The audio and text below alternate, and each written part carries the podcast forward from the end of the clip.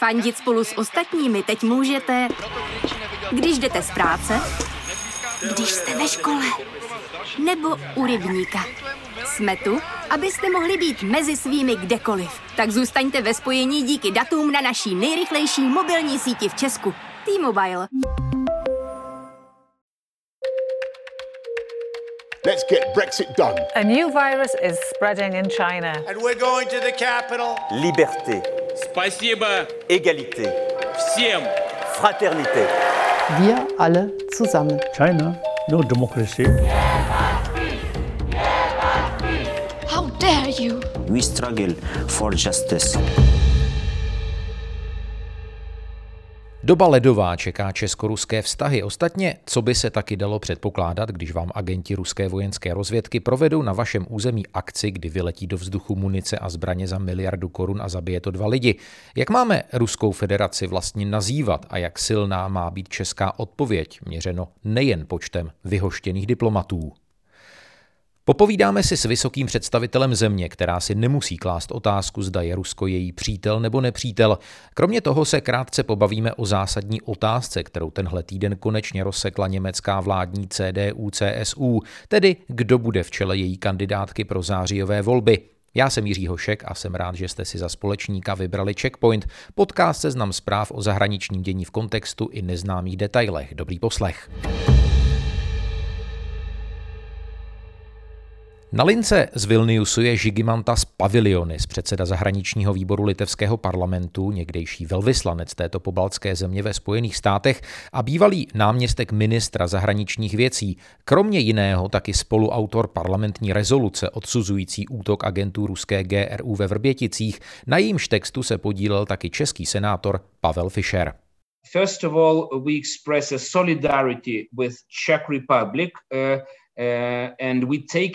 Vyjadřujeme solidaritu s Českou republikou a bereme na vědomí výsledky vašeho vyšetřování, které ukazují, že ruská vojenská rozvědka podniká akce na území nezávislých a suverénních států, zabíjí jejich občany a porušuje všechny možné body mezinárodního práva. Uh, Podporujeme všechny kroky Česka na mezinárodní scéně, včetně snahy dostat tohle téma na program Rady bezpečnosti OSN.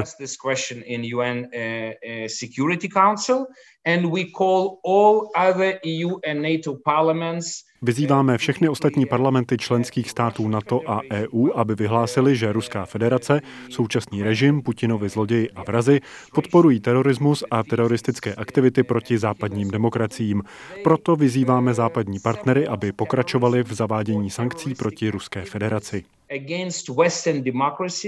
And that's why we are calling for, you know, for Western partners to continue introducing sanctions against Russian Federation Pobaltské státy, včetně Litvy, neměly v posledních letech dobrý pocit z toho, jak se střední Evropa staví k ruské hrozbě, že některé věci bagatelizuje, neuvědomuje si, že současná Ruská federace není stát jako každý jiný.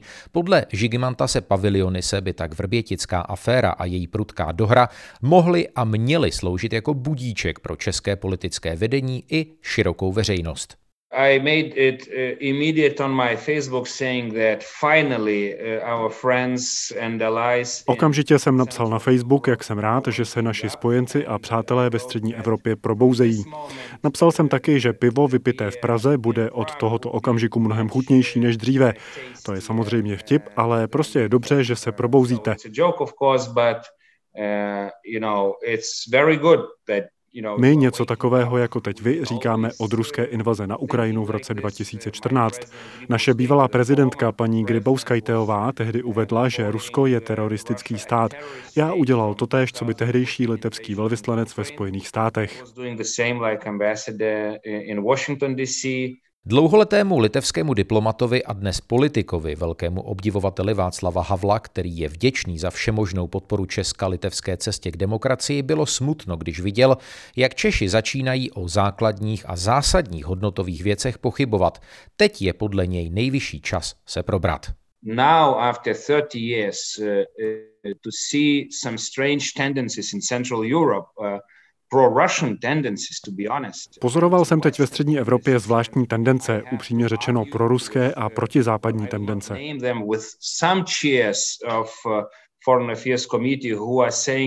Nebudu jmenovat, ale slyšet od jednoho předsedy zahraničního výboru parlamentu, že skutečné nebezpečí teď přichází ze západu a ne z východu, mě šokovalo. To u mě překročilo červenou linii.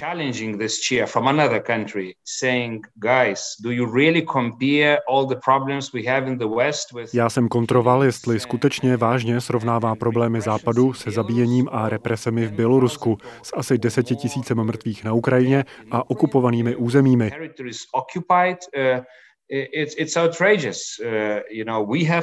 Něco takového je nehorázné. Musíme být u nás na západě jednotní. Teď tu máme Bidenovu administrativu řízenou někým, koho bych nazval profesionálem studené války, který vidí svět plus minus jako my. Tak se pojďme sjednotit a čelme nepříteli.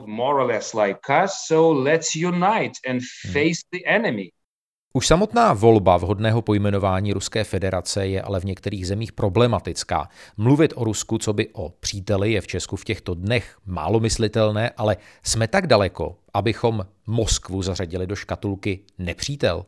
I would make a first of all distinction that my good friend, twice poisoned dissident Vladimir Karamurza is always making. Můj přítel, ruský dizident Vladimir Karamurza, jehož se dvakrát pokusili otrávit, vždycky upozorňuje, že nejde o Ruskou federaci a ruské obyvatelstvo. Jde o Kreml, o jestřáby z KGB.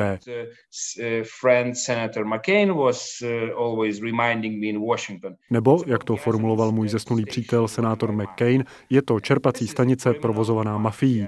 Je to zločinecký mafiánský stát, který podporuje teroristické aktivity. Findings eh, that Czech Republic made about eh, military intelligence a podle posledních zjištění České republiky o působení jednotky ruské vojenské rozvědky s číslem 2955 na území Česka, Bulharska a Spojeného království, které bylo porušením mezinárodního práva i Vídeňské konvence, je počínání Ruska prostě neskutečné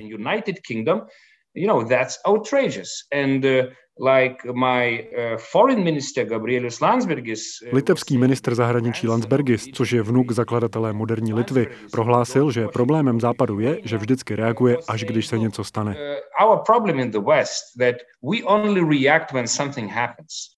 Podle Žigimantase Pavilionise byla ostudná reakce nebo spíš nereakce Západu v roce 2008, kdy Rusko okupovalo část Gruzie, což litevský politik nazývá mnichovem 21. století.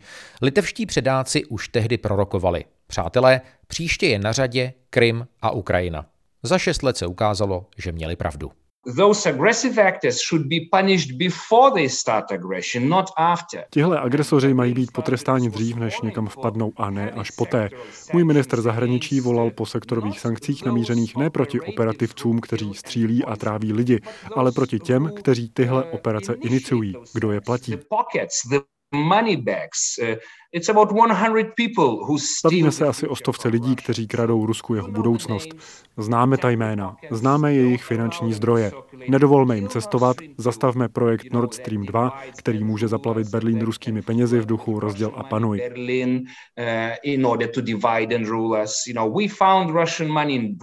Našli jsme ruské peníze v Brexitu, našli jsme ruské peníze ve všech krajně pravicových hnutích, která rozdělují evropské společnosti. Prostě to zastavme. Nekupujme Putinův Sputnik a nenechávejme si od Rusů stavět jaderné reaktory. Nedovolte Putinovi, aby rozdělil a panoval. Don't allow Putin to divide and rule. Říká předseda zahraničního výboru litevského parlamentu Žygimantas Pavilionis, kterého v checkpointu ještě uslyšíme, ale teď si dáme takovou tematickou odbočku a zamíříme do Německa, které litevský politik před chvilkou zmiňoval. Německá vládnoucí CDU-CSU má po týdnech dohadů a nepříjemné nejistoty konečně jasno v tom, kdo bude její volební lídr. Sousední země Česka jsou v zahraniční redakci Seznam zpráv doménou Filipa Harcera, kterého vítám v checkpointu a už se taky ptám, co se dá očekávat od předsedy CDU Armina Lašeta, eh, což je ten pán, který kandidaturu získal. Armin Laschet je předsedou CDU od ledna letošního roku. Je to zároveň premiér spolkové země Severní Porní Westfálsko a ve straně je považovaný za následovníka kurzu a stylu současné spolkové kancléřky Angely Merklové. To by ještě před časem působilo na nemalou část voličů pozitivně, jenže s vlekoucí se koronavirovou krizí už jsou Němci i ze současné vlády unavení. Laschet v CDU platí za ekonomického liberála a už v kampani za své zvolení do čela strany sázel na kontinuitu se 16 lety vlády Merklové. Řekl také, že se chce postavit za průmysl a dát novou dynamiku energetickému přechodu. Jeho výhodou, ale zároveň také vlastně tak trochu nevýhodou, eh, jsou jeho bohaté zkušenosti s exekutivní funkcí. Armin Laschet ale určitě nemá ideální nebo rozhodně ne lehkou startovní pozici, tak proč to rozhodování vlastně tak dlouho trvalo?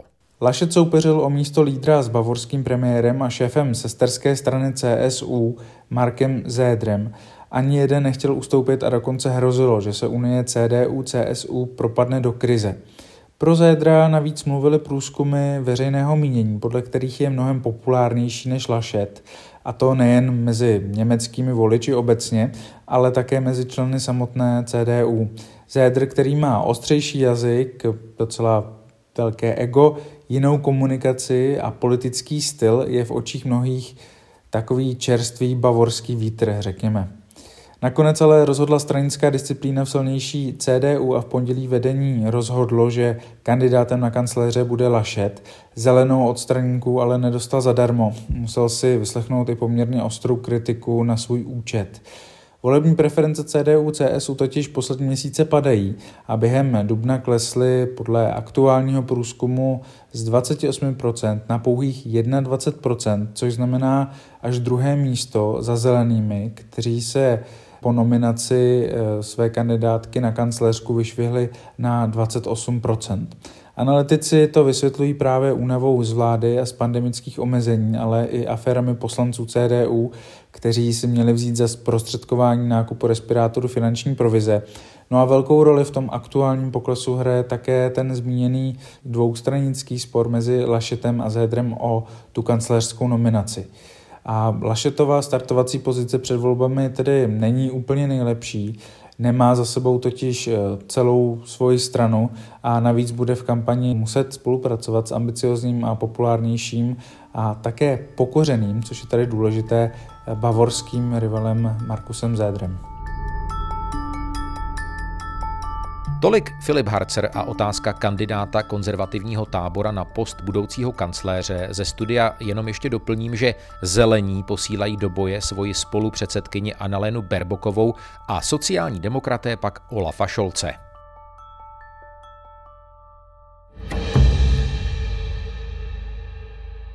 Vracíme se v checkpointu k našemu hlavnímu tématu, kterým jsou vztahy s Ruskou federací poté, co se ukázalo zapojení agentů ruské GRU do výbuchu v areálu ve Vrběticích v roce 2014.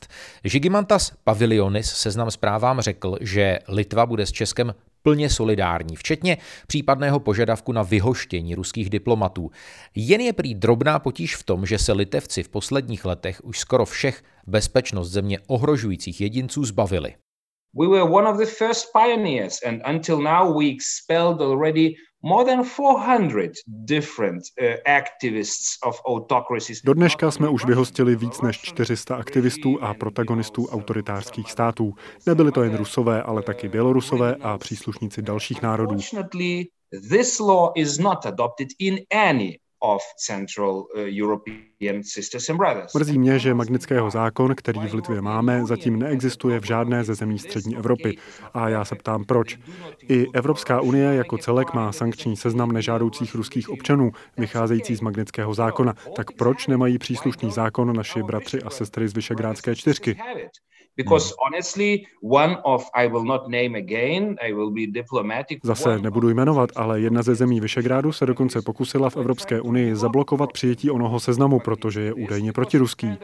Náhodou je proruský, když vezmu v úvahu obyčejné Rusy, kteří jsou taky Evropany. Kremlští zloději a zabijáci kradou Rusům jejich lidskost, tak proč bychom je měli trpět? Absolutně. Žigimantas Pavilionis zdůrazňuje, že současné Rusko má obrovské vnitřní problémy a že je narušený sociální smír mezi Vladimírem Putinem a hlavně mladou generací Rusů. Co v takové situaci Putin dělává, najde si zahraniční konflikt pro zvýšení své osobní popularity a nebylo by to poprvé. Exactly this happened before Georgia-Russia war, and now Putin uh, popularity fall. Well, if we can think about Přesně tohle se dělo před rusko-gruzínskou válkou. Putinovi teď klesla popularita, pokud se můžeme bavit v případě Ruska o objektivní oblibě, o nějakých 30%. O podobnou hodnotu ale klesly taky příjmy Rusů. Co Putin udělá v takové situaci? Vyvolá další válku a zvýší svou oblibu.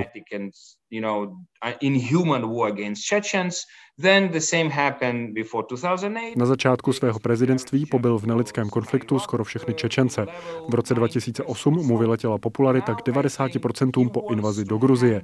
Teď musí řešit zásadní společenskou změnu, kterou ilustruje Alexej Navalny a Rusové v ulicích.